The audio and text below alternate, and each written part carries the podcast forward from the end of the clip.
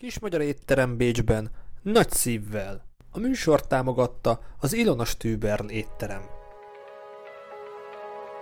Sziasztok, üdvözlök mindenkit itt a YouTube csatornában, újból egy podcast adással érkezek.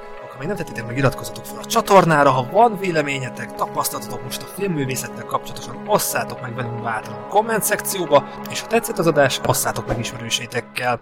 És akkor a két vendégem, szia Kálmán, szia Dániel, üdvözöllek itt a stúdióban titeket. Szia.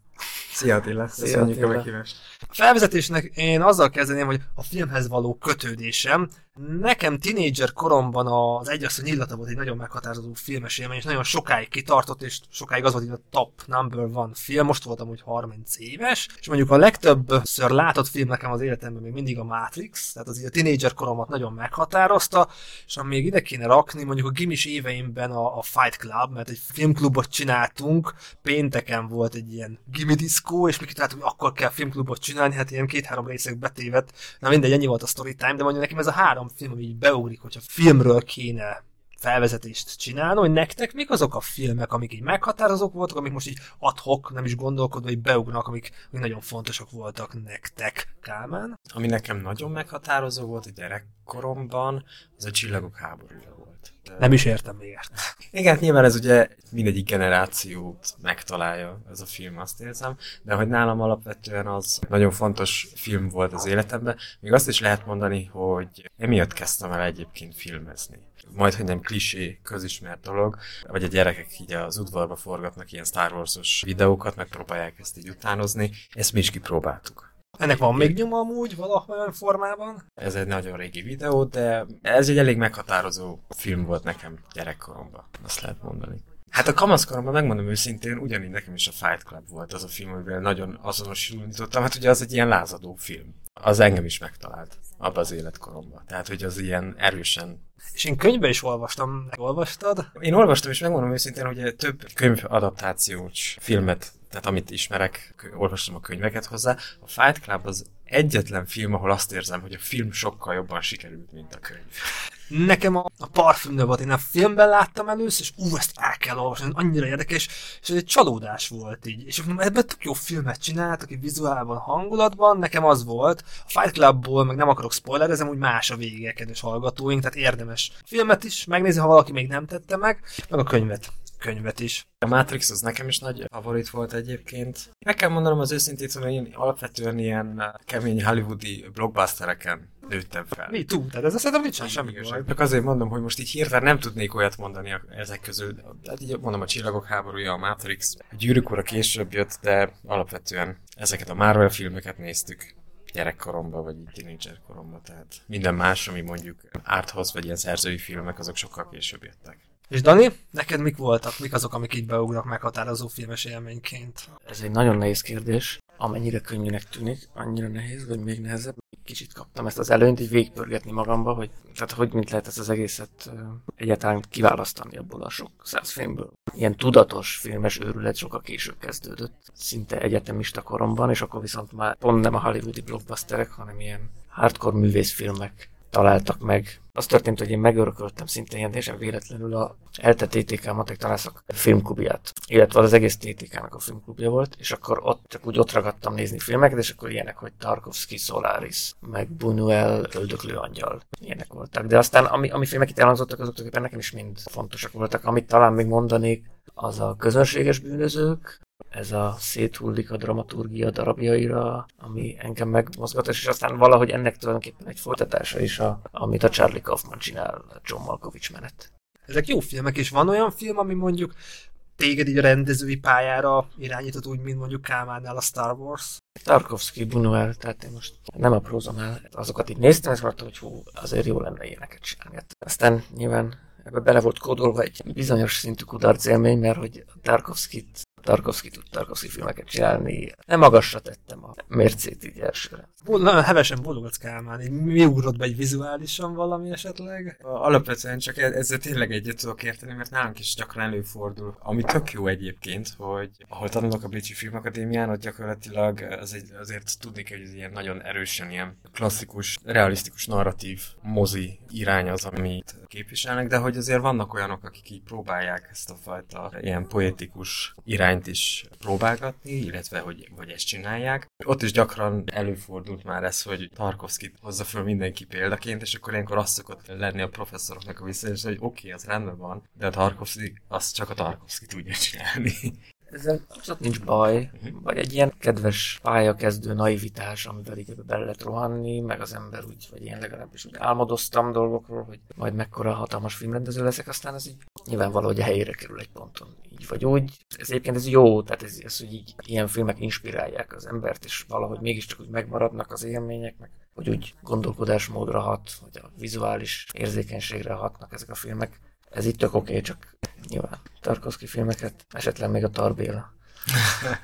Mondhatok, hogy az a alapkoncepció, hogy akik kik voltak ránk hatással, de Tarantino, vagy ő is szokta nyilatkozni, hogy hát ő akár egy az egybe átültet, vagy nagyon tetszik neki egy snit, egy plán, egy beállítás, akkor majdnem, vagy nagyon hasonlóan megcsinálja ő is. Hogy nektek vannak ilyen snittek, vagy ilyen, ilyen rendezők, akiknek a színeléstől kezdve vágásig bármi nagyon megtetszik, mondjuk az az iskola, vagy az a, az a nyomvonal. Van ilyen rendező, akit ki tudnátok emelni esetleg? Kálmán? Most nyilván a, a Csillagok háborúját ezt csak azért említettem, mert az a gyerekkort határozta meg. A Harcosok klubja az inkább a kamaszkor.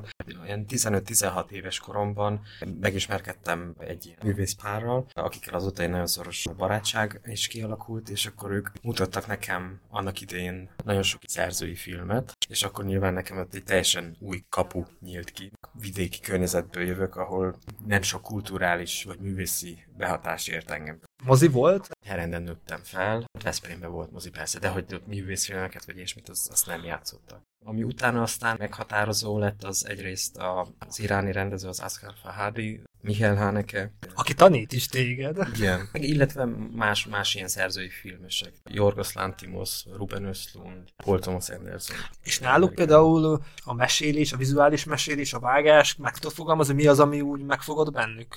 Hogyha erre a kettő névre visszatérek, tehát a Hanekére meg a, Fá- a Faradira is, ő náluk azt érzem, hogy nagyon precízek, és mind a kettő megszállottan keresi az igazságot. Azt érzem náluk. Nagyon más az a mozi, amit csinálnak, de hogy szerintem ugyanarról a kettő dologról van szó mindegyik esetében. Sok mindent föl lehetne sorolni nyilván, tehát hogy most így ilyen nagyon általánosan tényleg csak ezt tudom mondani, hogy nagyon összetetten, precízen, meg őszintén foglalkoznak azokkal a tartalmakkal, amikkel foglalkoznak, és az ellentmondásait, ami van a valóságnak, szürkeségével együtt, azt szerintem ők nagyon mesteri szinten űzik. Dani, neked ilyen, nem azt mondom, hogy mesterpada van felállásban, de akik bármilyen szempontból irányt adtak, Hát egyrészt nagyon sok van, megint csak. Szerintem itt két dolog van. Az egyik az, hogy az, amit a Tarantino csinál, hogy így egy az egybe lemásol képeket, meg szinte filmeket, vagy sztorikat, az nagyon nem én vagyok. Sőt, nekem egy kicsit még van egy ilyen, majd hogy nem egy ilyen fóbiám, ettől, hogy úristen, csak ne vagy csináljak, amit valaki már csinált, mindenképpen valami különlegeset kell, ami még nem volt. Van egy ilyen plusz izém, ami bizonyos fokig hülyeség, de hát ez van. Ez az egyik fele, és akkor ezt most akkor így a, a filmes szakma bizonyos aspektusait, a szegmenseit is szétválasztva, hogy melyik az, amelyiket egy bizonyos rendezőtől átvenni tudatosan, az egy dolog. Azt hiszem nem nagyon. A másik az, hogy egy csomó minden így tudat alatt is hat az emberre. És akkor innentől kezdve viszont rengeteg minden, vagy mindenki. Ami szerintem a leginkább, egy kicsit az, amire már utaltam, ez a verjük szét a dramaturgiát, önreflexió, ez a saját farkába harapó kígyó típusú történet dolgok, ezek azok, amik érdekelnek, és akkor innentől kezdve Fellini 8 és fél, a Buñuel-től kezdve, és akkor itt mehetünk végig egészen megint a Charlie Kaufmanig megérkezve.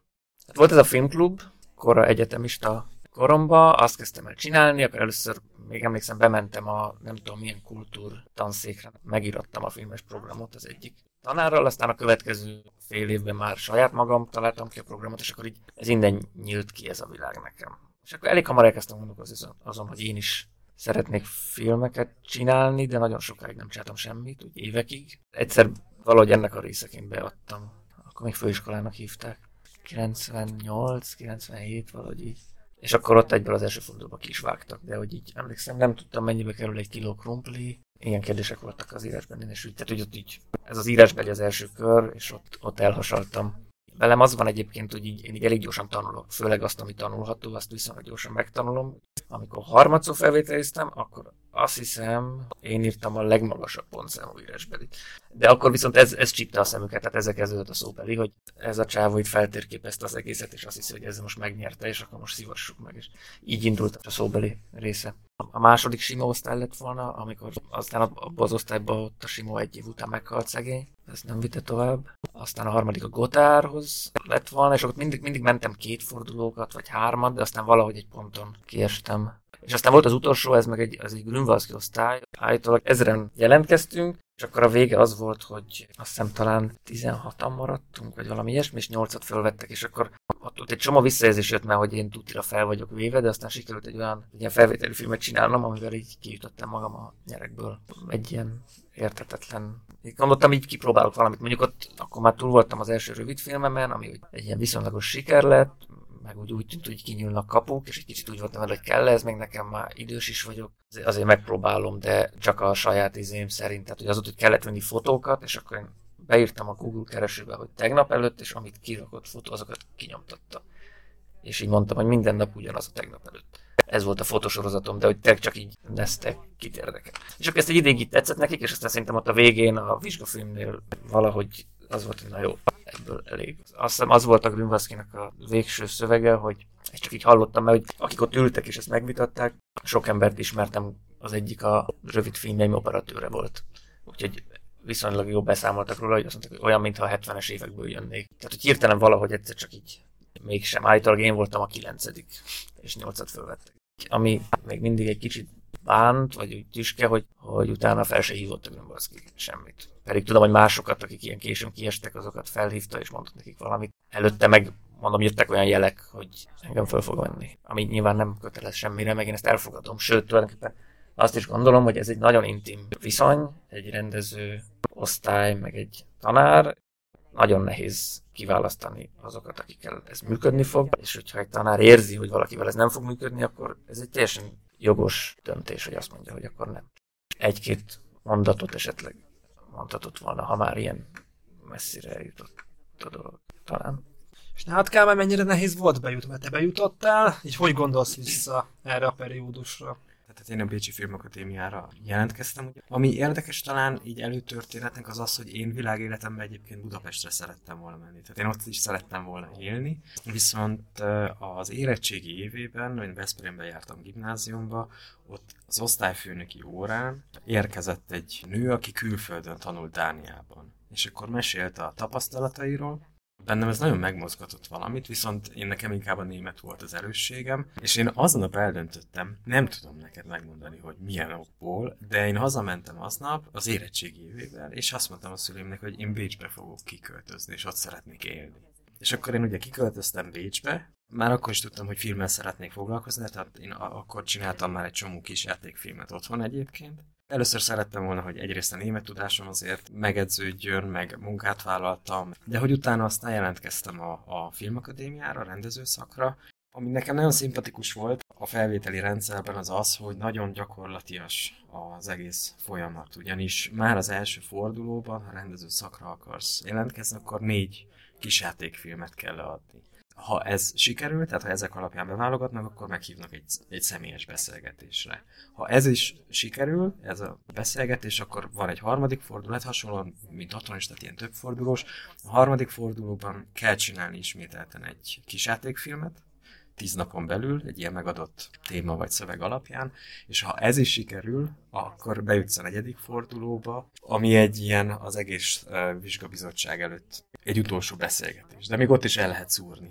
Tehát ha ez megvan, akkor vagy bent. Én háromszor próbálkoztam. De úgy, hogy mindig tovább-tovább jutottam. Tehát először a második fordulóba, de utána kiestem. Aztán a harmadik fordulóba, de onnan estem ki. Aztán utána a harmadjára pedig végül felvettek.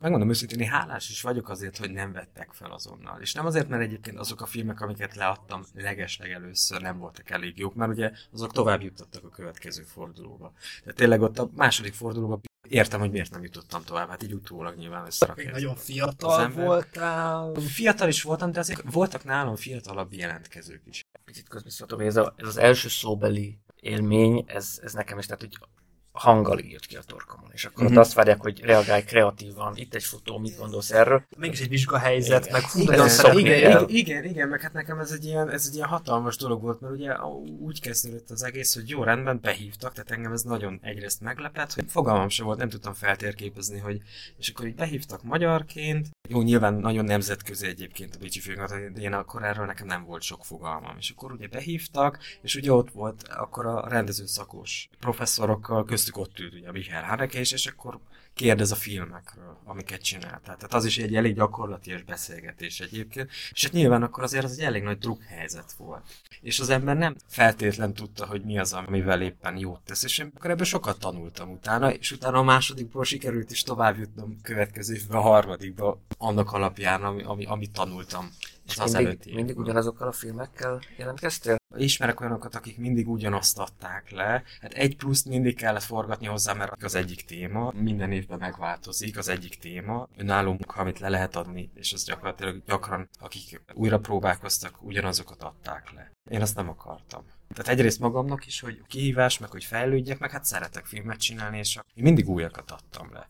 Most visszagondolva hálás is vagyok, és így összesen egyébként 13 kisjátékfilmet csináltam. Csak ez alatt a felvételi időszak alatt a három évben. Ami alatt azért hát sokat tanultam, meg hát azért az ember magabiztosabb is lett idővel, az eszköztára is ugye gazdagodott. Örülök neki, hogy nem akkor vettek fel az elején, mert akkor még sokkal, úgy érzem, sokkal formálhatóbb voltam én is. Amikor meg mell- sikerült meglépnem magam, így emberileg is, meg szakmában is egy picit magamat, utána azért másabb önképpel sikerült így nekem ott elkezdeni ezt a tanulmányt. Úgyhogy én ezért nagyon hálás vagyok a három próbálkozásért. Engem nagyon érdekel ebben a helyzetben, hogy mind a ketten megpróbáltátok többször, hogy így ezt hogy értétek meg, hogy oké, én ezt nagyon akarom, érzem magamban a, a közlésvágyat, tudom, hogy ott a helyem, neki fogok menni, vagy nagyon mélyre lementetek, tehát nagyon nagy pofon volt, és onnan fel kellett kaparni magatokat, hogy így, így hogy éltétek meg ezt, Dani? Te hogy gondolsz vissza ezekre az elutasításokra? Nehéz volt feldolgozni. Emlékszem, már- az első is nehéz volt, pedig ott az egy teljesen egyértelmű dolog volt. A legrosszabb szerintem mindig a remény. Az ember elkezd reménykedni, hú, mentem egy kört, mentem még egy kört, izé, majdnem, lehet, nem, talán, és akkor aztán egyszer csak mindig így kifüggesztenek egy névsort, és az ember így nézi, hogy rajta van-e a neve. Ez így Hát te is kaptál díjakat, kaptál visszajelzéseket, hogy jó vagy, és akkor gondolom ott volt, hogy hello, hello, még nem kellek nektek.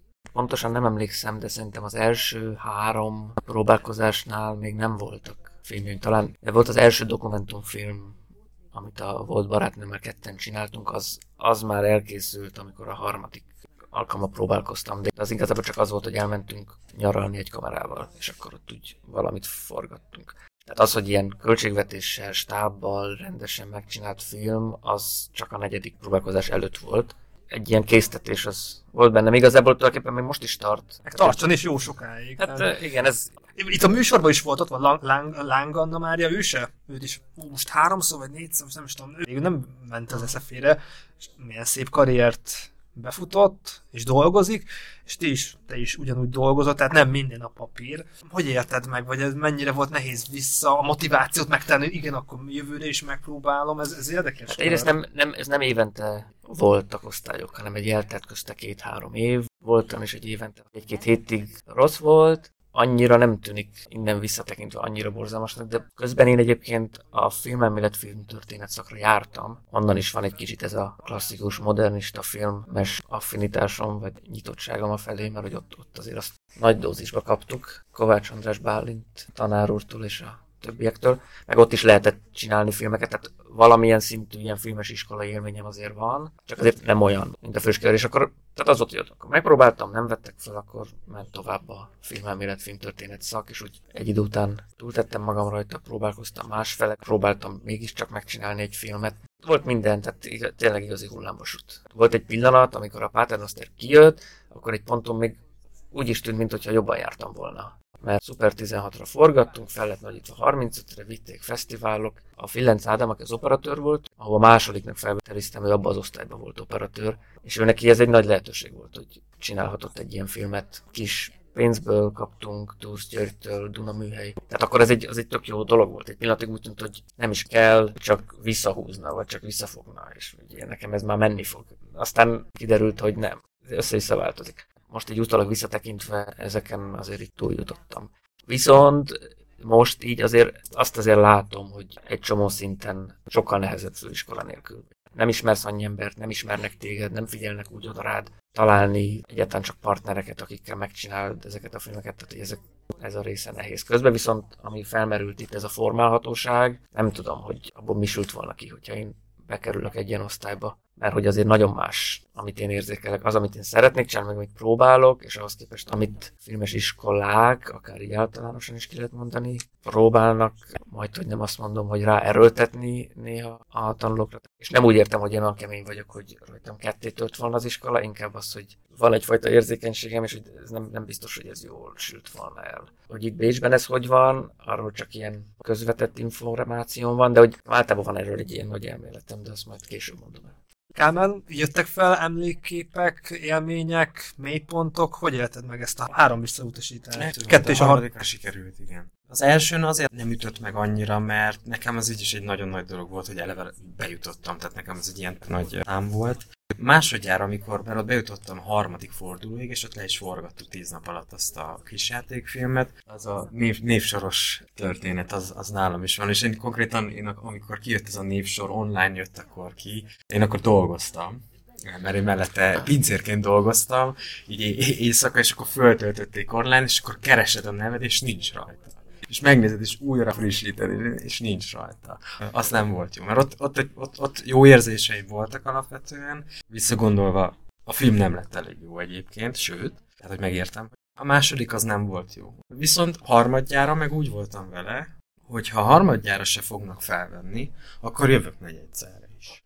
Már jutottam a negyedik fordulóig, ha, ki, ha innen kiesek a jövőre, már muszáj, hogy felvegyenek. Szóval, hogy nem volt, nem volt bennem olyan, hogy ha ez most nem jön össze, akkor ennyi volt azt lehetett érezni, hogy a, a professzoroknak is a visszajelzéséből, hogy nem véletlenül hívtak vissza, tehát hogy volt már egyfajta párbeszéd, meg emlékeztek rám minden évben, és végén aztán pozitívan sült el azért ezek csalódások, meg idő. Össze kell kaparni, mit rontottam el, min kell fejlődni, hogy itt egy hatalmas motiváció kell az emberben, vagy, vagy akarat, vagy fogalmaz meg te, hogy mi volt az a, az, az erő, ami, ami előre vitt, hogy igen, jövőre össze fog jönni. Meg tudod ezt fogalmazni, hogy mi volt az a alkotási vágy, hív, motiváció? Alkotási vágynak azért nem hívnám, mert ugye alkotni lehet egyetem nélkül is rengetegen, hogyha most csak, csak a, a, a múlt nagy filmeseire gondolunk vissza, itt a modernkor filmeseire, vagy Amerikába, hát rengetegen vannak olyanok, akik ezt nem, nem tanulták, sőt, volt, hogy megvetés volt azok, azok irányába, akik mondjuk ilyen filmes iskolába jártak, Hát alkotási vágy az, az van mindig. Én azt éreztem, hogy nekem ott a helyem, és, és sikerülnie kell. Nem lehet nagyon szavakba önteni, tehát ez, ezt így az ember így é, érezte. Hogy ott van, ott van dolgod. Ugyanúgy, amit előbb korábban említettem, hogy nekem ide Bécsbe kell kijönnöm. És ha nézzük a karrieretek alakulását, például Dani, neked nem lett főiskolán helyed, meg nem, nem, nem, végül nem ott alakult a te pályafutásod, de rendezni, dolgozni, asszisztensként, forgatókönyvebe dolgozni lehet, hogy neked ez mennyire volt utána tudatos, hogy akkor kivel akarok együtt dolgozni, merre akarom alakítani a pályámat? Hát ez nagyon sokáig nekem megmaradt ez egy ilyen csúnyán mondva ego tripnek. Azt gondoltam, hogy én, én írom, rendezem a filmjeimet, én egy ilyen életművel rendelkező filmrendező akarok lenni. Ha nem Tarkovsky, akkor nem tudom, Lars von Trier, vagy ahol így az van, hogy akkor lehet majd utólag izélni, hogy ez a film mit jelent az életműben, és hogy ezt igazából én ezt nem szégyellem, hogy, hogy én nekem ilyen nagy szabású álmaim voltak, bár ezeket így nem szokás, főleg úgy, hogy itt 46 évesen nagyjátékfilm nélkül vagyok. Én tényleg erről álmodoztam sokáig, és hogy ez például valami olyan, amit, olyasmi, amit, amit talán, ha visszamennék, most máshogy csinálnék, amit egy kicsit késve, vagy úgy idővel megértettem, vagy rájöttem, hogy én igazából szeretek részt venni a filmek megvalósulásában, ha nem én vagyok a fő az egésznek a kezdeményezője. Megvan ez a pont, hogy ez mikor volt egy ilyen párfordulás, amely ilyen szót használhatok? Egy fokozatos volt, de már azt hiszem Bécsben. Egy kicsit az volt nekem így ezzel a Bécsbe költözéssel, hogy így ami ismerettségem, meg így ilyen közön volt egy filmes közekhez, az teljesen eltűnt, és akkor elkezdtem hálás lenni kvázi minden kisiségér is, amit így részt tudok venni, és, és közben felfedeztem, hogy tehát az, hogy én mint dramaturg vagy forgatókönyvíró veszek részt egy projektben. Esetleg asszisztensként abban nem, azt hiszem abban nem vagyok nagyon jó, de csak egyszer próbáltam. Ezek is szépek, ebbe is lehet kiteljesedést találni. Én ide matek tanárnak jöttem ki, és akkor, akkor először volt az, hogy olyan igazi normális munkám van munkahelyem, nem az, hogy csak úgy hébe-hóba valamit csinálok, aztán úgy valahogy... A filmezés mellette megmaradt ilyen komoly hobbiként, szerelem hobbiként? Ez ilyen, hogy tekintettek a filmezésre?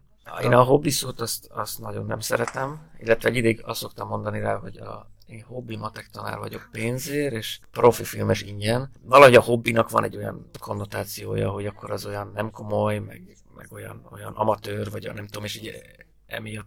Én például az amatőr szóval vagyok így, hogy profi meg amatőr, mert ugye az a profi, aki fizetés kap érte, és azért ezt tudjuk, hogy a amatőrök között is bőven vannak nagyon-nagyon tehetséges, meg olyan alkotások, de így a kézilabda, nagyon inkább hagyjuk a kézilabdát, de ott például, nem tudom, a Dánoknál van az, hogy rengeteg mindenkinek van civil munkája, de mellette meg tök jó játékosok.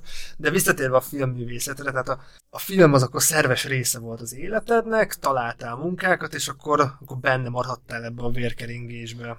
Próbáltam. Tehát itt hozzá kell tenni azt, hogy országot váltani filmesként, az nem egy triviális dolog. Tehát, az, tehát ha már az ember egy befutott filmes, akkor, akkor ez nem a nehéz, illetve iskolába járni az is nyilván működik, mert akkor ott, meg, ott bekerül a közegbe, de így, hogy én, tehát ez egy, egy, ez egy elég nehéz dolog, mert, mert hogy az ember nem ismer senkit, és a, az osztrák filmes közeg az még talán zártabb is, mint a magyar. Plusz én, én így el vagyok a némettel, de messze a perfektől. Amikor kijöttem 2008-ban, akkor még kevésbé voltam jó benne. Tehát hogy ezek mind olyan dolgok, amik nehezítik a dolgot. Tehát ez egy hosszú, fokozatos, lassú folyamat. Ként azt tudom mondani, hogy most van néhány olyan fix pont, meg barátom, meg történik egy-két olyan dolog így a filmes szempontból, ami, ami már úgy történésnek nevezhető. Tehát mióta kiköltöztem, csináltam két rövid filmet még, az egyiket Szarajevóba, azt kvázi így hoztam magammal még egy ilyen Szarajevó Talent Campus részeként, és aztán ez a legutolsó film a Last Man In Us, erre kaptam itt pénzt, osztrák pénzt, ami mindenképpen egy ugrás volt előre. És ehhez valószínűleg sokat hozzátett azt, hogy a Diverse Geschichten divers történetek nevű workshopon vettem részt többször is, ami nem osztrák származású, tehát bevándorló filmeseknek segít forgatókönyvet írni. És valahogy ott úgy azért megismerkedtem néhány emberrel, akik segítettek. Oda mindig nagyjátékfilm tervel kell jelentkezni, és akkor aztán egy nagyjátékfilm tervet az ember fejleszti. Kicsit segítenek is megpróbálni egy producert találni, be lehet adni az ÖFI-hez, az osztrák filmintézethez forgatókönyvfejlesztésre. Tehát ezeket a köröket megfutottam párszor, háromszor vettem részt ezen a workshopon, a harmadik projektem az még mindig fut, a másik kettő, az most azokat most így félretettem. Például most van két nagy játékfilm tervem, amit fejlesztek. Az egyikre kaptam egy kis pénzt a Drehbuch Fórum, az egy másik ilyen forgatókönyv írás segítő kis műhelyecske. A másik tervemmel pedig megint pályáztam a Osztrák Filmintézethez, épp most pár napja dobták vissza, most egész jól viseltem a visszautasítást egyébként. De ott, ott viszont van egy producer, az egyik legnagyobb osztály cégtől, aki úgy tűnik, hogy elég érdeklődik iránta is. Ott most beszéltünk, hogy megyünk tovább, próbálkozunk másfele. A cél még mindig az, hogy egy nagy játékfilmet meg tudjak csinálni. Sok sikert ehhez, hajrá, hajrá, hajrá. És Kálmán, neked így a elmúlt időszak nagyon aktív volt, így bemutató is volt, gratulálok, hogy a Gartenbau kinóba be tudták mutatni a legutóbbi filmedet, meg az olyan dolgok is egy nagyon, nagyon jó utat futott, hogy így mennyire vagy kimerülve, hogy érzed magadat, felszabadultam, vagy már jó ez a múlt, és akkor már újabb projekteken dolgozol, hogy hogy néz most ki neked 2022?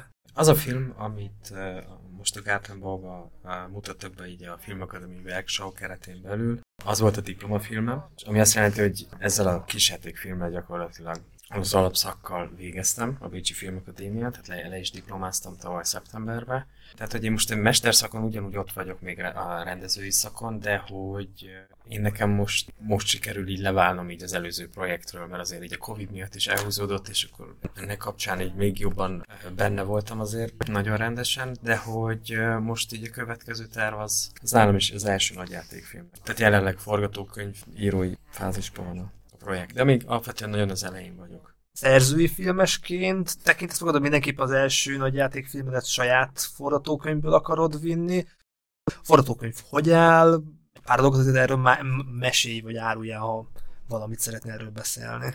Igen, tehát alapvetően az, az összes eddigi filmemet azt én is írtam. Szeretem is csinálni egyébként, tehát hogy alapvetően olyan anyagokat, olyan anyagokat szeretek megcsinálni aztán, vagy rendezni, amiket, amiket én írtam, és Pontosan azért egyébként, mert hogy, mert hogy amit az ember saját maga ír, azt ismeri a legjobban. Nyilván nagyon izgalmas, meg érdekes lehet egy olyan anyagon dolgozni, vagy egy olyan anyagot rendezni, amit nem, nem az ember maga írt. Tehát ezen a szerzői filmes vonalon szeretnék tovább menni.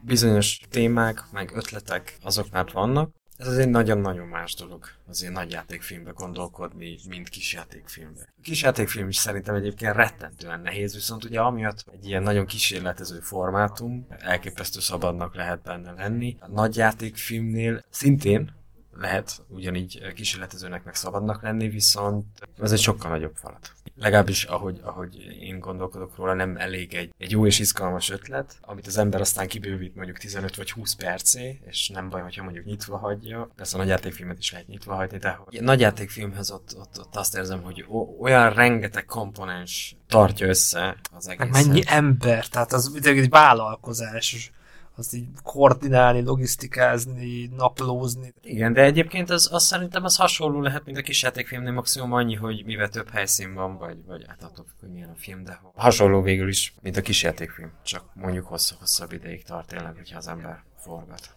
Nekem az a kis játékfilm, ez olyan furcsa, mert azért ezek komoly filmek, tehát kis játékfilm, vagy rövid film, tehát itt is. Mi a különbség a rövid film meg a kis játékfilm között? Na, Dani, például te, neked mi a különbség a kis játék meg a rövid film között? Még egyszer olyat is hallottam, hogy a rövid játékfilm. Hát már ilyen TikTok egy perc. Nézd Ugyanaz, egy kisfilm, lehet aztán itt ezt boncolgatni, hogy akkor a kis játékfilm, aminek van egy elmondható története, kicsiben megcsinálja azt az ívet, amit egy nagy játékfilm, vagy valami ilyesmi. A rövid film, abba belefér a kísérleti film is esetleg, de nem biztos, hogy, hogy érdemes különbséget tenni. Azt értem, hogy a kis, a kis szó az egy, egy ilyen lekicsinlő meg hát ezeknek a rövid vagy kis játék vagy játékfilmeknek is tud egy kerek egész sztoria lenni. Karakterek, fejlődések, katarzistól ez nagyon sok minden. És mondjuk sok filmnek meg elég is lenne mondjuk az az idő. Tehát nem muszáj 90 perc, meg van, amikor egy kis játékfilmből lesz egy teljes film, és kis játékfilmként mondjuk jobban működött, mint mondjuk egy 90 percet kitölteni. És akkor Kálmán, tehát az utolsó két já... már kicsit már mindent mondok, az utolsó két... Filmed. Filmed, igen. Nem, nézd, ne, ne veszetjük nekem semmi bajom. A kis játékfilmet én ezt abszolút nem érzem azt, hogy az valami rossz csengésű szó lenne, vagy ez, ez, ez egy kis játékfilm. Ez a hosszá, hosszából adódóan, ezt így hívják, ez, ez nincs, nincs ezzel semmi baj. Olyan dolgok, és az utca másik vége, ezeket mondjuk akár nagy játékfilmként is, tehát egész estésfilmként is el tudod képzelni, vagy ezek tényleg csak így működnek. Kicsit így boncolgassuk, de mind a kettő filmről mondj, mondj pár dolgot, élményt. Velem kapcsolatban érdekes, hogy én inkább szoktam ilyen hosszabb terjedelembe gondolkodni egyébként, forgatókönyvben is, és nekem mindig az volt a problémám az egyetemen, hogy azok a témák vagy ötletek, amik érdekeltek, ahogyan foglalkoztam velük az írás közben, mindig azt éreztem, hogy ennek hosszabbnak kellene lennie és emiatt viszonylag egyébként ilyen 25-30, tehát amennyire lehetett nyújtani az egyetemi kereten belül, mindig így a leghosszabbakat csináltam is meg időben, és ez egyébként a két filmen, a két legutóbbi filmen, amit csináltam, azok bár kisjátékfilmek, de abszolút el lehet képzelni, hogy azok egy kiragadott rövid szekvenciák egy sokkal nagyobb vagy hosszabb filmből egyébként. Tehát mind a kettő film simán mehetne még tovább, vagy lehetne mondjuk egy előtörténetet még így hozzáépíteni. Nagyon örülök, hogy kisjátékfilm az bizonyos értelemben így az egyetem után lezárulhat. Mert alapvetően az ember kisjátékfilmet, kisjátékfilmnek nincs nagyon piaca. Nyilván van egy-két kivétel. És az internet se segít a kisjátékfilmeknek? Vannak platformok, de tehát én nem ismerek olyat, aki, akinek a kisjátékfilm a végcél. Legtöbbször a kisjátékfilmeket tényleg fesztiválokon látják az emberek, és legtöbb esetben a filmfesztiválokra Persze járnak hétköznapi emberek is, de hogy az is inkább, hogy úgy mondjam, azért a szakmának van kitalálva kapcsolódási pontokat keresve, és a többi. Tehát a kis játékfilm az mindig csak egy ilyen, én szerintem az egy ilyen átvezető a nagy, nagy játékfilmhez. Volumenben, felelősségben azért nem egy súlycsoport, hogyha ezt a szót használhatom. Tehát így úgy ez, hogy igen, most már van elég rutin, ambíció, hogy egy nagy játékfilmmel is megbirkózz. Hogy sok embert kell mozgatni, az alapvetően azért megoszlik, tehát hogy ezt nem csak én csinálom. Tehát azért ott a, ott a, a, a produkció, vagy a producer, illetve a gyártásvezető, aki így a koordinálásért, meg a logisztikája azért felelős. Én inkább így a, a tartalmi részhez térnék vissza, hogy ott, ott érzem azt, hogy Nyilván vannak benne nehézségek, meg most csinálom itt tényleg, ténylegesen először, tehát írtam már egy, egy 90 perces treatmentet, egy ilyen 25 oldalas treatment anyagot, de hogy az nem érzem azt, hogy az az lenne, amit elsőnek szeretnék megcsinálni. Most egy új anyagon dolgozom. Egyébként mindig, amikor az ember ír, akkor az nyilván ott van már az az előtapasztalat, meg az az intuitív tapasztalat, ami, amit itt sikerült összeszedni, de hogy az ember egyébként még mindig előről kezdi. Tehát mindig üres a papír. Vannak olyan írók, meg forgatókönyvírók, akik imádnak írni, és rengeteget írnak. Én nem ilyen vagyok. Nekem ez egy nagyon nehéz. Ez szerintem az egyik legnehezebb része az egész filmkészítésnek. És akkor a forgatókönyvírásnak is vannak bizonyos szakaszai, ahol az ember bizonyos pontokat meg tud ugrani, és akkor tényleg ilyen flow élményszerűen összeáll. Nagyon-nagyon összetett folyamat. És az ember ugye, ha egyedül ír, és én egyébként egyedül írok, akkor meg nagyon magányos és ilyen önkorbácsoló folyamat, mert ugye az első nézője az anyagnak az én vagyok. Mivel nagyon maximalista is vagyok, emiatt mindig fölteszem magamnak a kérdést, hogy én ülök ott bent a moziban, akkor ez nekem elfogadható. És akkor ugye, hogyha nem, akkor, akkor vissza kell menni. Kemény folyamat tud lenni. Nagyon deprimáló időszak is tud lenni. Az olyan dolgok, az egy több lépcsős alkotói folyamat volt, tehát nagyon sokat tanultam ott az írás közben. És ez nagyban köszönhető egyébként a Filmakadémiának is, vagy, a, vagy a, ha lehet így mondani, inkább a Hánekének, mert nagyon keményen, amit nagyon becsülök egyébként a vele való konzultációban, az az, hogy rettentően őszinte arról van szó, arról beszél, ami a papíron ott van, vagy amit lát a, a, a vágószobába. Nagyon szakmai és gyakorlatias, tehát jó szakember és alapvetően nem szokott nagyon megértő lenni egyébként így, így hallgatókkal. Ami egy nagyon, nagyon jó egyébként, nagyon sokan ezt nem szokták tudni elviselni, vagy nagy-nagy szokott a nyomás lenni mellette, de hogy ha az ember félre tudja tenni ezt a fajta részét a, a, a vele való kommunikációban, és arra, arra kontent, és nem személyesen veszi ezt, hanem megpróbálsz az anyagra koncentrálni, akkor szerintem nagyon sokat lehet tanulni az olyan dolgok volt, egy olyan anyag, amit ő először, hát most ha mondjuk így visszadobott, lehet akár így is mondani. Hát megcsinálhattam volna, tehát nem arról van szó, hogy nem lehet megcsinálni, elég nagy szabadság van azért az egyetemen, de olyan jellegű kritikát mondott az anyagról, ami első körben nem teljesen értettem bele egyrészt egyet, meg hát nyilván ilyenkor azért rengeteg indulat van az emberben, tehát rengeteget dolgoztam azon az anyagon, ez az anyag nem volt rossz. Viszont nyilván, hogyha az ember szerzői filmesként így eredeti utat próbál ugye találni, akkor, akkor az nem, az nem egy egyszerű feladat. Ott volt az, hogy azt éreztem, hogy jó rendben, újraírom. Ez a újraírom, ez most mit jelent, hogy hány százalékban kellett átdolgozni, újra dolgozni? Az első verzióban gyerekek elleni uh, szexuális visszaélésről van uh, szó, tehát ez a, az a tematika, és az első uh, verzióban ott az úgy nézett ki, hogy a nőben felmerül a gyanú, hogy a férje, akit egyébként szeret, visszaélhetett szexuálisan az öt éves kislányukkal. És ezeket a hétköznapi jeleneteket, ahogy a gyanúja megalapozódik, ezt tárgyalta gyakorlatilag a forgatókönyv egy bizonyos pontig. És miután újraírtam, ezt úgy, úgy formáltam át, hogy átépítettem ezt az egészet egy ilyen kamaradarab-szerű történeti felállásba, ahol ez a nő már odáig jutott el, hogy a gyanúja megalapozódott, és jelen pillanatban a történet kezdetén a barátainak a kanapéján ül, és végső elkeseredésében, meg kétségbeesésében, mivel nem tudja, hogy mi legyen a következő lépés, megosztja velük a gyanúját és mindazt, amit sejt. Az ottani az emberek közti interakció, konfliktus és a többi eh, mozdítja előre a cselekményt tematika, ami, ami iránt érdeklődtem, és a többi, az mind uh, ugyanígy bele volt építve ebbe a kamaradarab szerkezetű történetbe, viszont egy, egy, egy teljesen másfajta film született. De ez a verzió már tetszett Hanekének. Ezt a verziót végül aztán nem mutattam meg neki, hanem leforgattam, de utána tetszett neki. ez, a, ez a klasszikus probléma vagy kérdés, hogy hol kezded el a történetet, uh-huh. hol, hol szállunk be, hol szállunk ki, mennyit mutatunk meg. Még leegyszerűsítve, mi, melyik az a pillanat, amikor elkezdesz filmezni, és melyik az, amikor kikapcsolod a kamerát. És hogy ezek nagyon fontos kérdések. És te láttad a filmet? Én nem láttam, én bevallom, most nem tudtam még megnézni. De hogy így láttad? Igen, igen. Hát én, én Neked melyik verzió tetszett? Tehát, hogy most így hallottad ezt a verziót is? Nekem nagyon tetszett a film, én nagyon nagyon erős filmnek tartom. Eleve a bátorságot, hogy ilyen témához hozzányúlni, és aztán, ahogy, ami, ami történik, nekem nagyon tetszett. Így elmesélve azt gondolom, hogy a előző verzió az talán nem lett volna ilyen erős. Tehát, hogy abban egy kicsit azt érzem így most így elmondás alapján, hogy ez egy ilyen menjünk végig egy listán, hogy, hogy mik történnek, és akkor a végére álljon össze valami kép, ami azt hiszem nem tud olyan erős lenni. Sohasem. Vagy talán lehet, hogy valamikor igen, de hogy ez egy... Hát ez a horrorfilmekben van amúgy, hogy attól félnek az emberek legjobban, amit nem tudnak. Tehát, tehát hagyni kell a nézőt sokszor dolgozni, meg gondolkozni. Uh-huh. Értem a, ennek a, felállását, és akkor a másik, a másik forgatókönyv, az mennyire volt kemény munka, mennyire, mennyire volt, mennyire izzasztott meg? Megizzaszt az is, mindegy, mindegyik megizzaszt, de hogy ami, amit viszont már megspóroltam, az az volt, hogy a korábbi tapasztalatok, ami az olyan dolgoknál például uh, így sikerült végigmennem ezen az úton, azt a hibát már nem követtem el ennél a filmnél.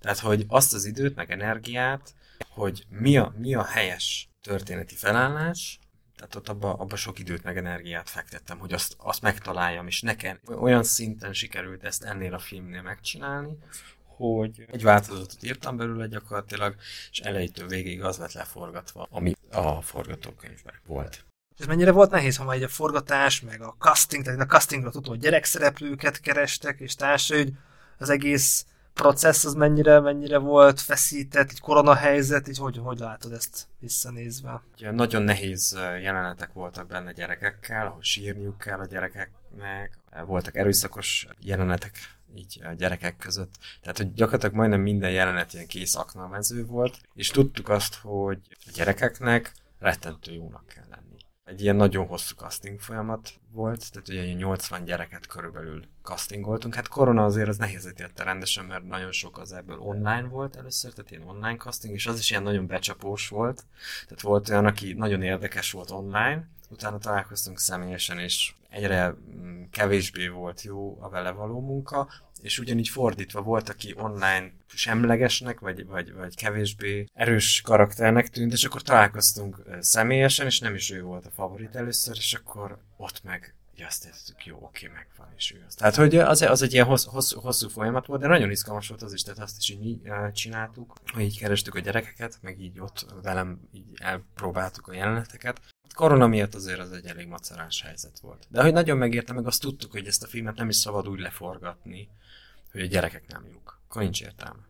Úgyhogy az, az egy ilyen nagyon fontos kritérium volt, hogy addig, amíg meg nem találjuk tényleg azt a két fiút, ahol azt érezzük, hogy ő nekik kell lenniük, és meg is tudják csinálni, amit elvárunk tőlük. Meg van egy nagy Zsolt is, tehát például őt is tudta, tehát az, a vízióban ő volt meg a karakterbe régóta szerettem volna vele dolgozni, nekem ő az egyik kedvenc színészem. Megértem. És, és nekem nagy, nagy álmom volt, hogy így vele, vele dolgozhassak együtt. Rettentően tehetséges. A korábbi anyagokban is gondolkodtam már ő benne egyébként, viszont azoknál az anyagoknál még nem éreztem azt, hogy nekem most itt meg kellene kérdeznem, és ez az anyag volt az, amire azt éreztem, ez az utolsó, az utca másik vége, ahol azt éreztem, hogy jó rendben, egyrészt ő veled képzelem el, nem tudom, hogy ki mással tudnám meg, szeretném ezt megcsinálni, és, és akkor őt megkérdeztem.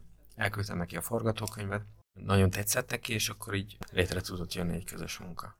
Meg itt mondtad, hogy együtt csináltátok a castingot, tehát hogy most már van egy kialakult csapat, akivel többet is együtt dolgoztál, meg így a jövőben mondjuk akár a egész estés nagy játékfilmeddel is együtt akarsz velük dolgozni? Az egyetem azért tényleg nagyon jó, az az, hogy körülbelül hogy 20 vagyunk egy, egy év folyamban összvisz, és akkor ugye nagyon szorosan kell együtt dolgozni, és akkor ilyenkor azért mindig kiderül a két-három év alatt, hogy ki az, akivel sokkal jobban működik, ki az, akivel inkább súrlódások vannak, tehát hogy így meg, meg, meg tudod találni a, a, az embereidet. A producer, az Aliza Frischholz, ő például szerintem most már a harmadik vagy negyedik kisjáték filmnek volt így a producere, meg a, a gyártását is ő csinálta, tehát hogy ő, ő vele most már egy, egy ilyen eléggé jó összeszokott csapat vagyunk. Még ez megütötte a folyamat, hogy a gyártás is ő csinálta, hogy két vagy akár több emberek a munkáját, ez lehet, hogy büdzsé, vagy nagyon karakánság, vagy habitus miatt is, meg te is írod. Tehát ezek mind-mind külön szakmák, külön karakterek, uh-huh. hogy, hogy ez, ez költséghatékonyság szempontjából, vagy hogy jobban együtt lehet tartani a munkát, hogy ez miért van így, hogy mondjuk egy ember több munkát is csinál, vagy több emberek a munkáját? Filmakadémián a kisjáték filmeket, azokat azért egy elég alacsony létszámú csapat vagy stáb csinálja, vagy dolgozik a projekteken, és nagyon gyakori szokott lenni az az eset, hogy például az, aki a producer, vagy a produkcióért felelős, azt szokta csinálni akkor a gyártást is. Ez egy ilyen bevet, bevet forma nálunk gyakorlatilag az egyetemen. És ahogy Dani, te hallgattad Kálmánt, neked a, for- a forgatókönyvírásnak a összeállítása, az mennyire egy nehéz folyamat, szólóba dolgozol, vannak hasonlóságok így Kálmánnal, vagy te másképp, másképp dolgozol, akár a forgatókönyvben, akár a csapat, csapat felépítésben? Hát azzal egyetértek, hogy ez egy kemény meló, és időnként szenvedésektől sem mentes. Nekem a rövidfilmes forgatókönyveimnél nem nagyon, szinte egyáltalán nem volt olyan, hogy valaki visszadobjon valamit, és hogy ezért például kár, vagy ez, ez jó lett volna, hogyha van nem is egy Haneke, de legalább, hogy valaki. Az első filmmel a Paternosterot azért pályázgattam ide-oda, meg ott, ott az futott egy-két kört, és igazából amíg így futott egy-két kört, akkor azért így újra lett gondolva, meg újra lett írva. A két legutóbbi film az mind olyan volt, hogy leírtam valamit, és beadtam, és akkor ráborintottak, és használt volna neki, vagy ha még egy kört mondjuk megy. És aztán de vannak dolgok, amiket a forgatókönyvben nem lehet pontosan látni még. Már a leforgatott anyagon látszik, vagy, úgy, vagy, vagy van olyan, hogy csak hónapokkal később eszembe, hogy hú, ezt inkább milyen jó lett volna úgy csinálni. Nyilván, hogyha van valaki, akinek ez előtte eszébe jut, vagy csak kiszúrja, az tud hasznos lenni. Csak itt az alapvető különbség, hogy rövid filmet, ezt mondta egyszer Dúsz György producer nekem, hogy rövid filmet büntetlenül is lehet csinálni, ami azt hozza magával, hogy, hogy ugye kevés pénz, viszonylag könnyen el lehet ö, odaérni. Nem, azt nem mondom, hogy könnyű, de sokkal könnyebb, mint a nagyjátékfilmhez. És a nagyjátékfilm forgatókönyvnél éppen ezért ott olyan sok pénzről van szó, hogy ott komoly kiértékelő rendszeren több lépcsőn kell átmenni, hogy ott óvatatlanul is rá van kényszerítve az ember, hogy újra gondolja, újra írja. Amit a Kálmán mondta, hogy van egy fixnek tűnő producere, akivel együtt harcolnak, az pedig a jackpot. Én ilyenről csak álmodom, hogy egyszer talán, de hogy az az nehéz. Tehát, hogy konkrétan válaszoljak, én nekem tulajdonképpen mindig minden projektem újra indult szinte az egész stáb szempontjából. Az operatőrt vittem magammal kétszer. De ebbe az is belejátszik, hogy tehát az első két filmet Pesten, Budapesten forgattam magyar pénzből, magyar produkcióban, aztán volt egy Berlinben, ahol nyilván ott új, új stábtagok volt, ez a Sarajevo, aztán meg volt ez a Bécs és egy kicsit Madrid, tehát mindig teljesen más közeg volt körülöttem, és akkor ott kezdtem el keresgélni. Miért mentél Berlinbe, miért mentél Szarajevóba? Ez mennyire tudatos volt, munka miatt, vagy ez dobta a gép, ez hogy nézett ki nálad? Berlinbe a Nipkov ösztöndíjat nyertem meg, ami egy ilyen forgatókönyvíró rezidens ösztöndíj, tehát hogy oda mehetsz, és akkor adnak valami pénzt, és pár hónapig ott lehetsz, és akkor úgy írhatsz meg networking úgy kicsit segítenek is. És akkor én így kimentem oda, akkor az, az ott ilyen nagyon hangzott az a helyzet, meg úgy, szóval nekem elég sokáig az volt, hogy Budapesten a státuszom, illetve nemzetközileg a státuszom között ilyen nagyon nagy egyensúlykülönbség volt, hogy külföldön így a filmes körülbelül egész ismert voltam már, és ilyen viszonylag nagyobb neveket is jól ismertem, miközben Magyarországon még mindig ez a főiskolát nem végzett egy másfél rövid film, mert ott úgy próbálkozó És mellette meg még voltam. fix munka, fix matek tanárként dolgoztál teljesen? Hát ak- akkor még nem, illetve akkor csak úgy, hát Magyarországon tanárként dolgozni az ilyen, ilyen zseppénz. Meg eleve így az élet vitelem is inkább olyan volt, még ilyen félig egyetemből kifele, félig, akkor most én filmrendező próbálok lenni, és közben úgy dolgozgattam valamit, de az más volt, mint amikor Bécsbe költöztem. Na de visszatérve, hol tartottam, hogy Berlin, találtunk a akkori nagyjátékfilm tervemhez egy, egy producer párost, akik éppen akkor indultak Berlinbe, és akkor valahogy rajtuk keresztül lett ez a Nipkovics, amit megkaptam, de aztán ott azokkal a, azzal ez az egész dolog ez nem működött a producerekkel, úgyhogy az, az úgy lényegében beleállt a földbe az a történet. Én viszont, ha már kim voltam, meg akkor az úgy nekem ott eléggé megtetszett Berlin. Tehát az egész úgy indult, én úgy kertem ki először Berlin, hogy volt a Berlinale Talent Campus, ami a Berlinale alatt, ami most, most van, vagy lesz, meghívnak fiatal filmeseket, talán te is voltál, vagy nem, nem, nem, nem, nem. Az egyébként nem egy rossz dolog így, csak élményként. Meghívnak, nem tudom, több száz filmest az egész világról, és ott vannak ilyen rendezvények, meg ilyen mindenfélék, és a végén, akik részt vettek, azok pályázhatnak egy filmtervel És akkor én oda jelentkeztem ezzel a filmtervemmel, hogy, hogy két ember találkozik most Berlinbe, de nem tudnak átmenni a falon, miközben már nincs is fal. Csak egy láthatatlan fal van, és a kicsit ez a öldöklő angyalnak egy ilyen parafrázisa. És akkor ezt beadtam, és ez bekerült a nem tudom hány közé, öt közé, ami egy tök nagy szó volt, mert hogy itt sok százan minden, mindenki bead valamit, de aztán csak kettő készül el, és oda viszont már nem került be. Tehát nekem ez volt ez a könyvem, kicsit ott úgy újraírogattam, és aztán a Dóz György, akit már említettem, akinek én nagyon sokat köszönhetek, mert az első két rövid filmemre is ő, ő adott pénzt a Duna műhely. Ez a Duna tévén belül volt egy ilyen kis produkciós iroda, a Duna műhely, és ő ott úgy támogatott projekteket, és többek között engem is, és akkor ő adott egy kis pénzt erre is, és ezt, ezt forgattuk Berlinben. A Szarajevói az pedig olyan szempontból hasonló, hogy volt a Szarajevó Talent Campus, amire viszont már én már akkor már egy 30 fölött már csak olyan neccesen fértem be. Konkrétan azt történt, hogy küldtek egy e-mailt, hogy nem kerültem be. Tényleg az, amikor, amikor azt hiszem, hogy biztos valami tévedés történt, és hogy majd, majd mindjárt írnak egy másik e-mailt, hogy bocs, bocs, félreértés, hogy konkrétan ez történt, hogy egy nap írt egy másikat a csaj, hogy, hogy de, de, mégiscsak bekerültem, csak vita volt, mert hogy már túl idős vagyok. Csak oda is bekerültem, ott is volt egy filmes, ilyen lehet pályázni, filmet csinálni dolog, és akkor ott meg ezt a Waiting című tervemet uh, sikerült. Ott, ott meg volt a történet magja az, hogy a szereplők várnak két vágás között, hogy mikor kezdődik el a következő jelenet, hogy valami ilyen, ilyenről akarok csinálni, filmet csinálni, és akkor ezt valahogy így Szarajevóra adaptáltam. És akkor ott, ott azt a Szarajevó Filmfesztivál, ők állták az egészet. De konkrétan úgy volt, hogy elmentem a Szarajevó Talent Campusra egy nagy hátizsákkal, és onnan már Bécsbe jöttem, mert két nap múlva kezdtem tanítani itt. És a, a, volt ez a csapatépítő része az iskolai évkezdésnek, azt ki is hagytam emiatt.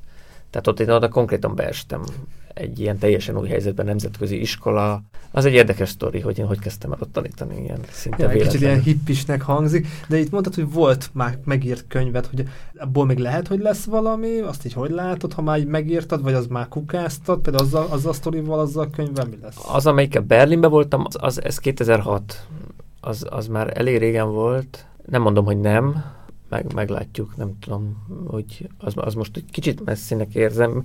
Miközben, tehát egy bizonyos vonatkozásai, tehát például ez, hogy a, ott abban van egy pár, aki, tehát ilyen szerelmes pár, és a, a lány az ilyen nagyon durván fideszes, a fiú meg most azt mondjuk rá, hogy balliberális, ami szerintem semmit nem jelent, de hogy mindegy, hogy, és akkor egy, egy ilyen konflikt hogy jön be a párkapcsolaton belülre, ez akkor így 2006-ban izgalmas volt, és aztán sokáig azt hittem, hogy en, en, ez így el fogja veszíteni az aktualitását, de hát tulajdonképpen nem veszítette el az aktualitását, vagy nem, nem tudom, lehet, hogy most már unalmas. Akkoriban kortárs közéleti dolgokról egy ilyen epizódikus film próbált lenni, akár lehet, hogy egyszer még és van még sztori, van még forgatókönyv? Még Több is van, hát ugye nyilván, hogy ez a elmúlt 15-20 év, ami alatt én így próbálok filmeket csinálni, ez alatt azért megírtam néhány forgatókönyvet, pihennek, várnak a partvonalon, aztán majd kiderül, hogy, hogy melyikből mi lesz. Kicsit az van, hogy akkor jön egy újabb, akkor az jobban izgat éppen akkor.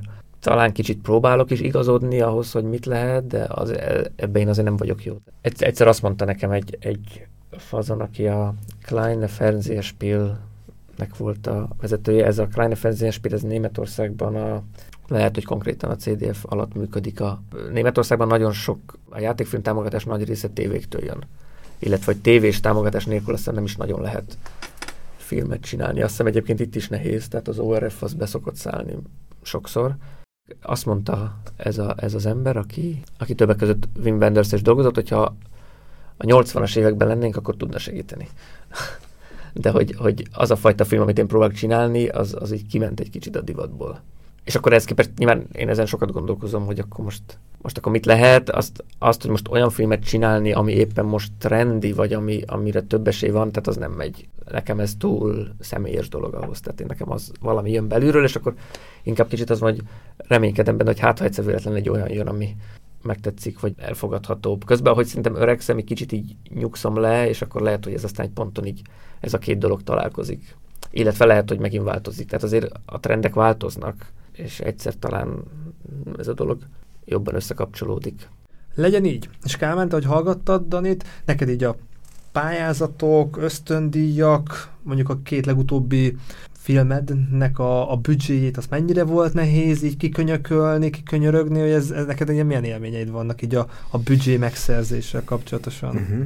Nyilván van a filmakadémia, mindig biztosít egy, egy keretet, de hogy többnyire az van, hogyha mondjuk 8-9 napig szeretnél forgatni, amit én egyébként utóbbi három filmnél csináltunk, oda az nem elég. Ilyenkor hát szoktunk pályázni, tehát most nyilván kisjátékfilmnél az Emma uh, Zibn, tehát a Stadt Wien, illetve a BM köz, tehát a Bundeskanzleramtnak ez a kultúr sport finanszírozási rendszer, ahova, ahova beadtuk.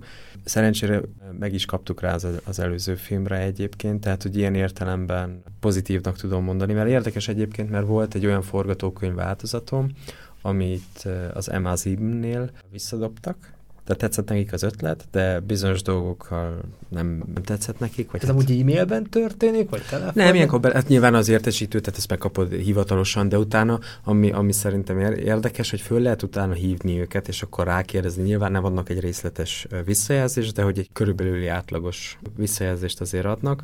De utána átírtam a könyvet, nyilván nem az ő feedbackjük alapján, de én sem voltam vele elégedett, és utána viszont, miután én is objektívan megítélve úgy éreztem, hogy jobb lett tényleg, utána viszont meg támogatták. Tehát, hogy nekem így ilyen értelemben eddig pozitívak a tapasztalataim így az itteni ilyen finanszírozási rendszerre. Nyilván kis játékfilm azért mégiscsak másabb, tehát nem irdatlan nagy összegeket kértünk mi. Tehát itt egy És benne pár... is tudtatok maradni, tehát nem fogcsikorgatva? Nem, tehát hogy az előző, tehát a diplomafilmemhez oda, oda hál' Istennek tényleg összejött annyi, amennyiből meg tudtuk csinálni, nyilván munkadíj nélkül, tehát hogy mindenki uh, ingyen dolgozott ugye a projektbe.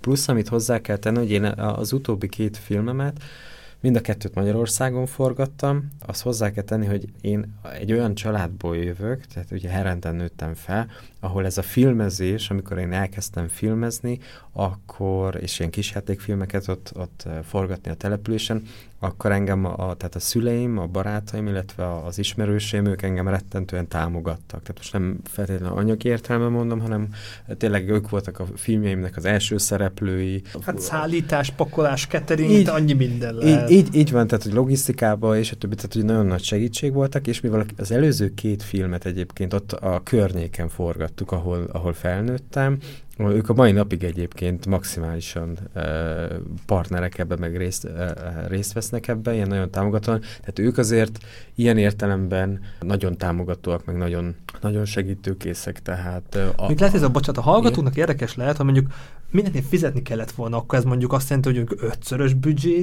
jelentene? Tehát a, ennek a két filmnek? Hát én megmondom őszintén, annyira nagyon pontosan azért nem tudom, tehát a költségvetést azt nem én csináltam, ugye, hanem a, a producer. Most csak te ősz itt, és hát ha. De hogy nem, hát... Ez legalább. Sok, tehát igen, tehát hogy ilyenkor tényleg az van, hogy ami a költségvetés nagyon nagy részét az kiteszi, az... A humán erő. Igen, igen, tehát ugye én is azt néztem, hogy a, a, az elszállásolás, a catering, a benzin, az autók bérlése és a munkadíj. Tehát, hogy nyilván meg egy csomó minden más, de hogy, de hogy ezek ilyen iratatlan nagy összegek. Nem, és ami, ami még a, a különbség egy nagyjátékfilmhez képest, hogy, hogy egy rövid filmre meg lehet kérni embereket, hogy pár napra gyere el, csináld meg, kevés pénzért ingyen. Igen. Nagyjátékfilm egyrészt nem lehet, másrészt nem is lehet bízni abban, hogy valaki ingyen ott marad, mert valami történik, és akkor meg az már munka, tehát ott egy, akár egy hónapig számítanak reggel, délben, este. És bizonyos táptoknak fél év mondjuk. Tehát, hogy az, az rendes fizetés, fel kell, az egy szerződéssel, az egy, az egy sokkal dolog. Ezért van az, hogy egy nagy játékfilm az nem csak a időtartam hosszával kell felszorozni, hogy még háromszor olyan hosszú, az nem csak háromszor annyiba fog kerülni, hanem nem tudom, százszor, vagy Uh-huh. Bocsánat. Nem, nem, nem, nem, nem, nem, igen, így van. Tehát, És a másik, tehát a, az utca másik végénél, ott, ott mennyire volt nehéz a büdzsét tartani, büdzsét megszerezni? Ahogy korábban említettem, ott minden, amit szerettünk volna, ott gyakorlatilag ott az, az, az összejött. Tehát, hogy ott nem volt semmi gond, abszolút kereten belül uh, tudtunk mozogni, tehát, hogy itt semmi. Az volt tényleg az első olyan projekt, ahol elég szabadok lehettünk ilyen téren. Nem kellett nagyon meg húzni, vagy megszorítani a nadrág. De ez gondolom kőkemény munka, egyeztetés, tervezés, hogy ez így tudtátok tartani. Persze. És itt mire kell gondolni, nagyon ki volt számolva ez a nyolc nap, nagyon tudtátok, hogy kit, mikor, merre kell mozgatni, tehát ugye nagyon minimális baki probléma merülhetett fel. A költségvetésbe, amit ugye pályázatra is be kell adni, az rettentően részletes.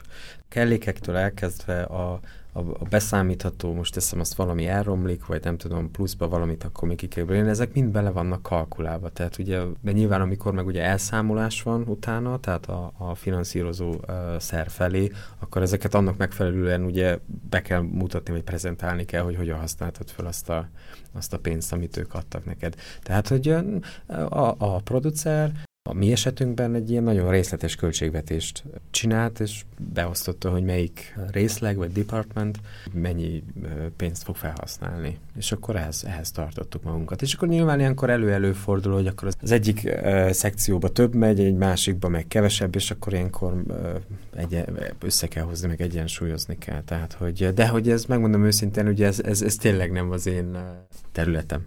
De hogy amennyit, amennyit én ebből így látok, meg tapasztalok egészestés filmekre, hogy tekintesz ilyen szempontból, hogy milyen büdzsé, mennyire lesz nehéz arra megszerezni, mennyire nagyon-nagyon jó forgatókönyv kell, tehát így most még nagyon ott a startvonalnál vagy, idővel, energiával, álmokkal így mennyire, mennyire mersz bátor lenni?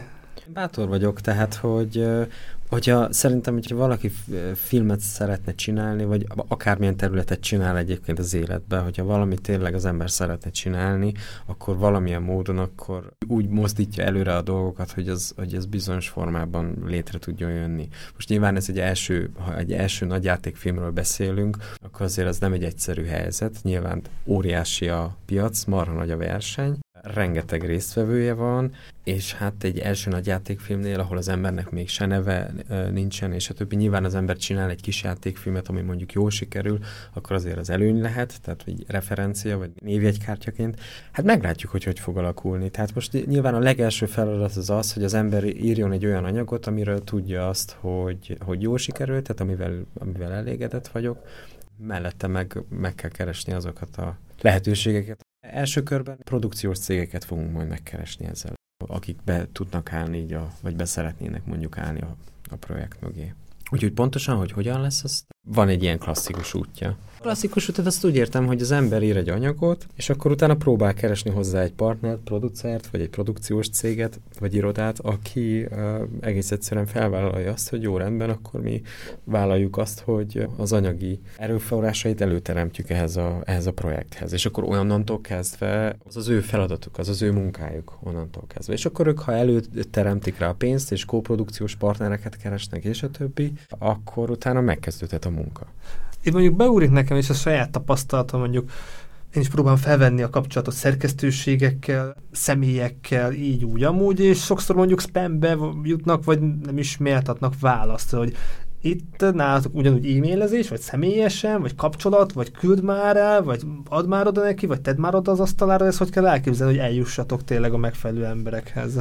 Millió út van egyébként, tehát hogy van tényleg az a klasszikus bürokratikus út, hogy akkor az ember benyújtja az öfihez, vagy más egyéb támogatószervekhez, hallottam olyan történeteket, ahol egy kis játékfilmet készített az illető, bekerült egy alkategóriás fesztiválra, ott azon a fesztiválon pont akkor ott volt egy producer, aki látta, ki a vetítés után oda ment az illetőhöz, és akkor azt mondta neki, hogy mi a következő projekted, nagy játékfilm, hogyha igen, akkor lennék a producer. És veled ilyen nem történt, mert azért pár hát, fesztivál megfordultál. De azért azt tudni kell, hogy például az olyan dolgok, tehát az utolsó előtti film Covid évében lett fesztiváloztatva, ami rettentően előnytelen volt a filmnek, rengeteg fesztivál nem is volt. Covid ez mindenféle szempontból a film és szakmának, meg a filmeknek, kísérleteknek, meg most ugye az a, kö, az a következő probléma, hogy annyi film halmozódott most meg fel. De jó, hogy erről beszélünk. És az van, hogy most viszont a verseny, meg a konkurencia az őrületes lesz. Mert ugye rengetegen most a Covid miatt visszatartották a nevezéseket, tehát nem küldték fesztiválokra a Covid alatt, vagy, vagy után, vagy nem tudom, elkészült filmeket, hanem várják azt, meg kivárták azt, hogy akkor kezdjen elülni ugye a vírus, és akkor most, hogy azért már jobb a helyzet, meg lehet moziba menni, meg újra vannak fesztiválok, meg találkozók, most akkor mindenki beadja.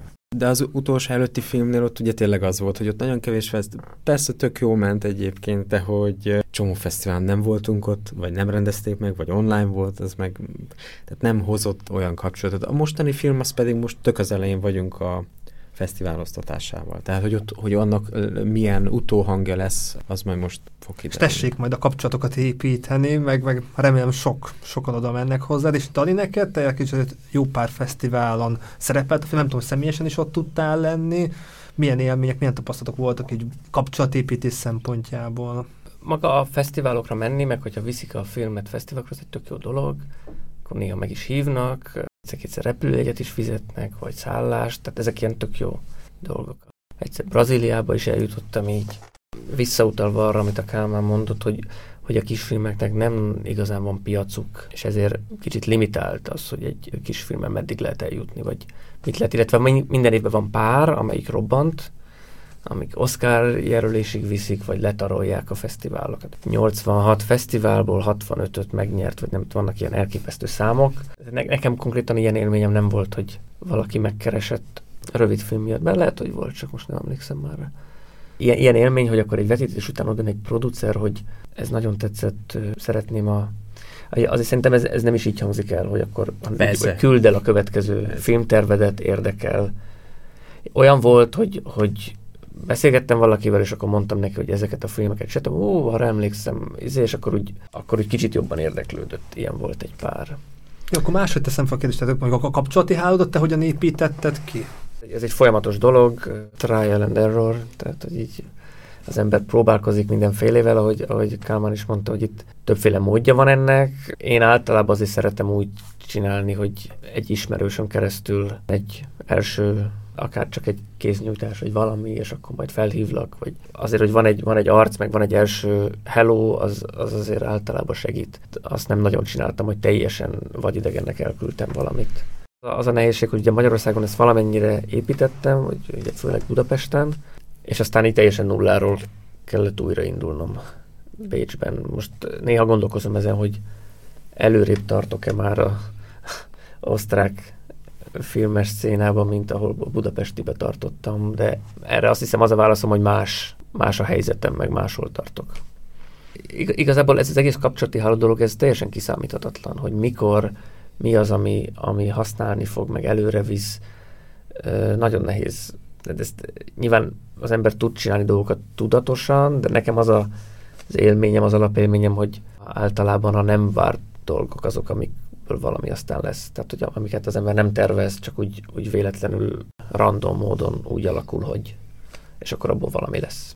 És milyen munkáknak örülnétek? Tehát ha mondjuk valaki megkeresi titeket, hogy forgatókönyvben segítsetek, vagy segíts, vagy rendezőasszisztens kell, tehát valaminek, akár mondjuk anyagi szempontból is örülnétek valamilyen felkérésnek, munkának, vagy mondjuk kreatív kapcsolatépítés szempontjából is hasznos lenne. Tehát milyen munkák fele vagytok nyitottak? Danitára így hogy tekintesz? Az írás, illetve a dramaturgia az, az engem elkezdett egyre jobban érdekelni. Egy kicsit ez, a, ez az író-rendező vagyok, így, így megpróbáltam ezt így szétválasztani, és külön-külön is gondolni erre a kettőre. Csak rendezni, az, az megint egy olyan dolog, hogy ahhoz kell egy olyan státusz, meg egy olyan rendezői múlt, hogy megkeressenek. Velem ez igazából nem igazán történt meg, meg, meg szerintem ez, ez alapvetően azért nagyjátékfilm kell, hogy utána jöjjön megkeresés. Az írás az valamivel talán egyszerűbbnek tűnik, vagy megvalósíthatóbbnak, de az se nagyon egyszerű. Nekem egy, egy, tehát egy nagy játékfilmben voltam én dramaturg eddig, Arman T. Riahi-nak a második filmje, a Fuxinbao.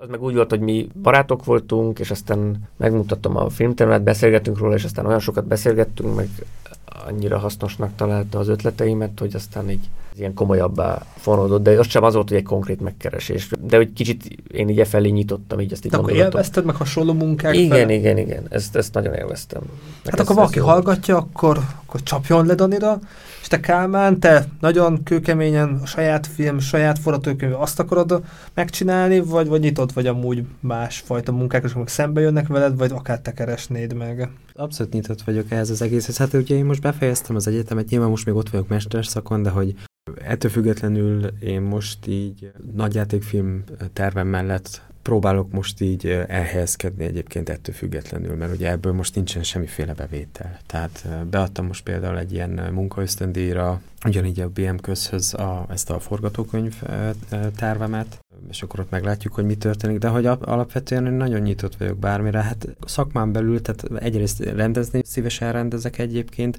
illetve nekem van nagyon jó vágói gyakorlatom. Tehát, hogy alapvetően nagyon szeretek vágni is, tehát a film akadémián az utolsó két filmön kivételével az összes filmemet én is vágtam, tehát hogy nagyon szerettem is csinálni, tehát nagyon élvezem is csinálni, tehát hogy bármiféle ilyen vágói munka, ami nem feltétlen kell egyébként, hogy egy ilyen művészeti alkotás, alkotás legyen, tehát volt, hogy korábban még Magyarországon másfajta jellegű ilyen image filmeket, making of, vagy ilyen jellegű anyagokat is vágtam, tehát hogy erre is alapvetően nagyon vevő vagyok. De ez amúgy bele is férne az időben, mondtad, hogy a master csinálod, dolgozol a saját forgatókönyvedet. Igen, de, igen, de a master azért az, az valamivel hát lájtosabb, lehet így is mondani. Hogy néz ki a master képzés? Tehát Gyakorlatilag megy tovább. Ugyanazok az oktatók, hogy kettő óra, ami a másabb, vagy új, új dolog bejött, de gyakorlatilag ugyanabban a szellemben történik. Maga az alapszak is, meg a mesterszak is, mind a kettőről azt tudom elmondani, hogy itt nyilván van elmélet is, de a filmakadémia azért az egy nagyon gyakorlatorientált hely. Az elméleti órák is inkább a gyakorlatban alkalmazható diskurzusokból áll. Alapvetően az van, hogy a forgatókönyvíró, vágó, rendezői producer, operatőr, ezek a szakok vannak, ugye, amiket lehet tanulni, és az első három szemeszterben így összevontan együtt dolgozunk gyakorlatilag, tehát, hogy teszem azt, aki mondjuk forgatókönyvírónak ugyanúgy kell világosítani egy ilyen stúdiógyakorlat alatt, vagy aki mondjuk producer ugyanúgy kell rendező pozíciót betöltsön pont amiatt, ugye, hogy az embernek legyen egy tapasztalata, meg képe arról, hogy amikor később majd együtt dolgozik másokkal, akkor ne csak az legyen, hogy jó a saját területén tudja, hogy mi a helyzet, hanem hogy pontosan értse azt, hogy a másiknak a, a, a munkaterület területe, az ugye mit tesz ki. Mondjuk, ami nagyon érdekes, az az, hogy a harmadik szemeszterben a stúdióban az évfolyam, amit kitalál díszletet, azt mi magunk megépítjük, vagy hát megépítettük annak idején. A mi esetünkben ez egy gyár volt, mi rendeztük be az egészet, és akkor ott abban a szemeszterben minden hallgató írt egy uh, sztorit ehhez a gyári kulisszához, és akkor ott kellett, hogy játszódjon a történet, és az a szemeszter az gyakorlatilag semmi másból nem állt, csak ebből a gyakorlatból, hogy ott mindenki a 20, 20 emberen végigment ez a, a gyakorlat. Ami rettentően izgalmas volt, és nagyon tanulságos, az mondjuk a, a Hánekének a szemináriumai, tehát ott uh, színészvezetést gyakoroltunk, az úgy nézett ki, hogy kettőtől hatig, megállás nélkül két színészt kellett vezetni egy megadott jelenet alapján a Haneke előtt, és akkor hát vagy ő kommentálta, vagy ő akkor bizonyos helyenként átvette az adott hallgatótól a, a rendezést. Ezek alatt az alkalmak alatt ugye rengeteget lehetett tényleg tanulni. Tehát gyakorlatilag látod őt munka közben, vagy az, hogy ő, ő hogyan, hogyan, hogyan dolgozik és hogyan gondolkodik a jelenetekről. Ezek tényleg ilyen nagyon tanulságos helyzetek voltak. Srácok, tervek, álmok vannak, itt vagyunk 2022-ben, tehát mit szeretnétek ebbe, a, ebbe az évbe így belegyúrni? Dani, te erre az évre hogy tekintesz? Nekem most van egy elég intenzív új dolog az életemben, ez egy startup, ami egy matematikai oktató szoftver egy science fiction történetbe oltva. Tehát ott az a lényeg, hogy a diákok követnek egy ilyen skifi sztorit, hogy jönnek a földön kívüliek, és meg kell menteni a földet, és, és úgy, ahogy halad előre, időnként ilyen matematikai problémák merülnek fel, amiket meg kell oldani, Igen. segíteni a karaktereknek. Nyilván én, mint matek tanár és filmes, ez nekem így jó, hát ez olyan, mint egy menekülő szoba, tehát ilyen interaktív valami akar ez lenni? Kicsit az is van benne, ez egy ilyen komplikáltabb dolog, tehát az egész egy, egy teljes app, úgyhogy különböző funkciókkal, tehát van benne chat is, meg videók, meg matek rész, meg wow. minden. És hogy én ebbe bekerültem, és tulajdonképpen ott, ott tartunk, hogy egy amerikai írósrác van benne, de hogy ketten fejlesztjük a történetet, illetve nyilván van a főnökünk, aki a tartalomért felelős, akkor mondjuk hárman, meg van egy pár konzulens, illetve a matekot is ketten. Tehát így, így mind a két részből, a kreatív részéből ki tudom venni a részemet, amit egyelőre nagyon élvezek, meg hogy ez így, ez így jó, egy kicsit, tehát egy kicsit én abban a helyzetben vagyok, mivel hogy nincs főiskola, meg nincs ez a rendszeres filmezés, hogy, hogy, úgy, hogy úgy ez a, a kreatív tevékenység az úgy viszket, és azt így most meg tudom így vakarni. Ez van, illetve hogy, hogy tehát van ez a két nagyjátékfilm tervem, az egyik, amit a Drébu Fórumtól kaptam rá támogatást, azt, ott, ott, ott, azt újra kéne írni. És van a másik, ami ugyancsak egy uh, skifi, és ott hát ezzel a producerrel megyünk tovább, és megpróbálunk valamit kihozni belőle, meglátjuk, hogy a szóba vezet. De hogy így most, most úgy magamhoz képest egész bizakodó vagyok. Nagyon izgalmas, sikerüljenek, és várjuk a fejleményeket. Köszönöm. És Kálmán Egyetem, Drébuk fejlesztés, hogy látod 22-t? Hogy szeretnéd befejezni majd 22-t?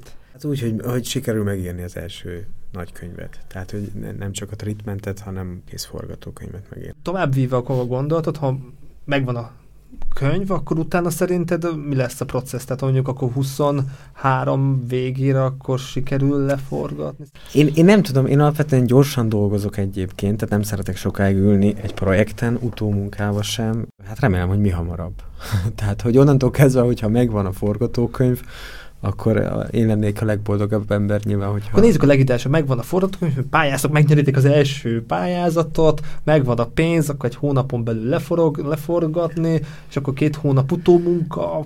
Attól, hogyha megvan a pénz mondjuk, akkor ugye ott még van egy elég, elég hosszú, meg komoly ilyen előkészületi szakasz egyébként. Ilyen előprodukciós fázis, ami azért szintén nagyon intenzív egyébként. Szóval hogy attól függ, hogy milyen lesz az anyag egyébként. Tehát, hogy ez sokban múlik. Jönnek-e sok, ufók? Sok, sokban múlik ez. Hát például, vagy hogyha mondjuk lehet, hogy megint nem találjuk meg a megfelelő gyereket, lehet, hogy ki tudja meddig kell megint gyerek, megint gyerek. Hát gyerekek lesznek benne megint, igen.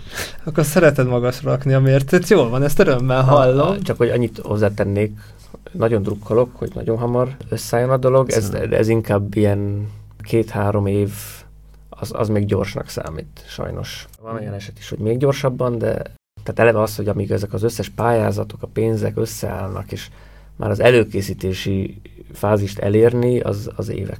Ez is egy nagyon nehéz része ennek a mm. dolognak, hogy meg kell őrizni magadban a tüzet, vagy a szikrát, vagy a lelkesedést azért a sztoriért, amit sok évvel ezelőtt otthon mm. a magányban leírtál. Meg hogy aktuális is legyen. Tehát amit te is mondtál, mondjuk az a szerelmes pár, hogy lehet, hogy valami most nagyon működik, nagyon aktuális, nagyon foglalkoztatja az írót és a nézőket is, az egy pár év múlva meg már mennyire lehet, mennyire üthet, mennyire mozgathat meg, vagy mennyire inger, ingert csiklandozó, tehát ez igen, az idő, az idő a jelen, és a jelennek milyen hatásai vannak, milyen ereje van még pár év múlva. Hát én, én biztos nem csinálnék olyan filmeket, mint a Fassbinder, nem, mert nem lennék képes rá, most nem is a minőség, hanem hogy azon a módon, de hogy abban abba van valami nagyon felszabadító és irigylésre méltó, hogy ő egyszer azt hogy most, itt és most, és egy hónap múlva kész vagyunk. Hát ez személyiség, tehát ez, ez van ilyen ember, és Uraim, köszönöm szépen, hogy meséltetek. Egy csomó kérdésem még lenne, de jöjjünk össze még ugyanígy, és akkor akár egy-egy darabot maximálisan kivesézünk,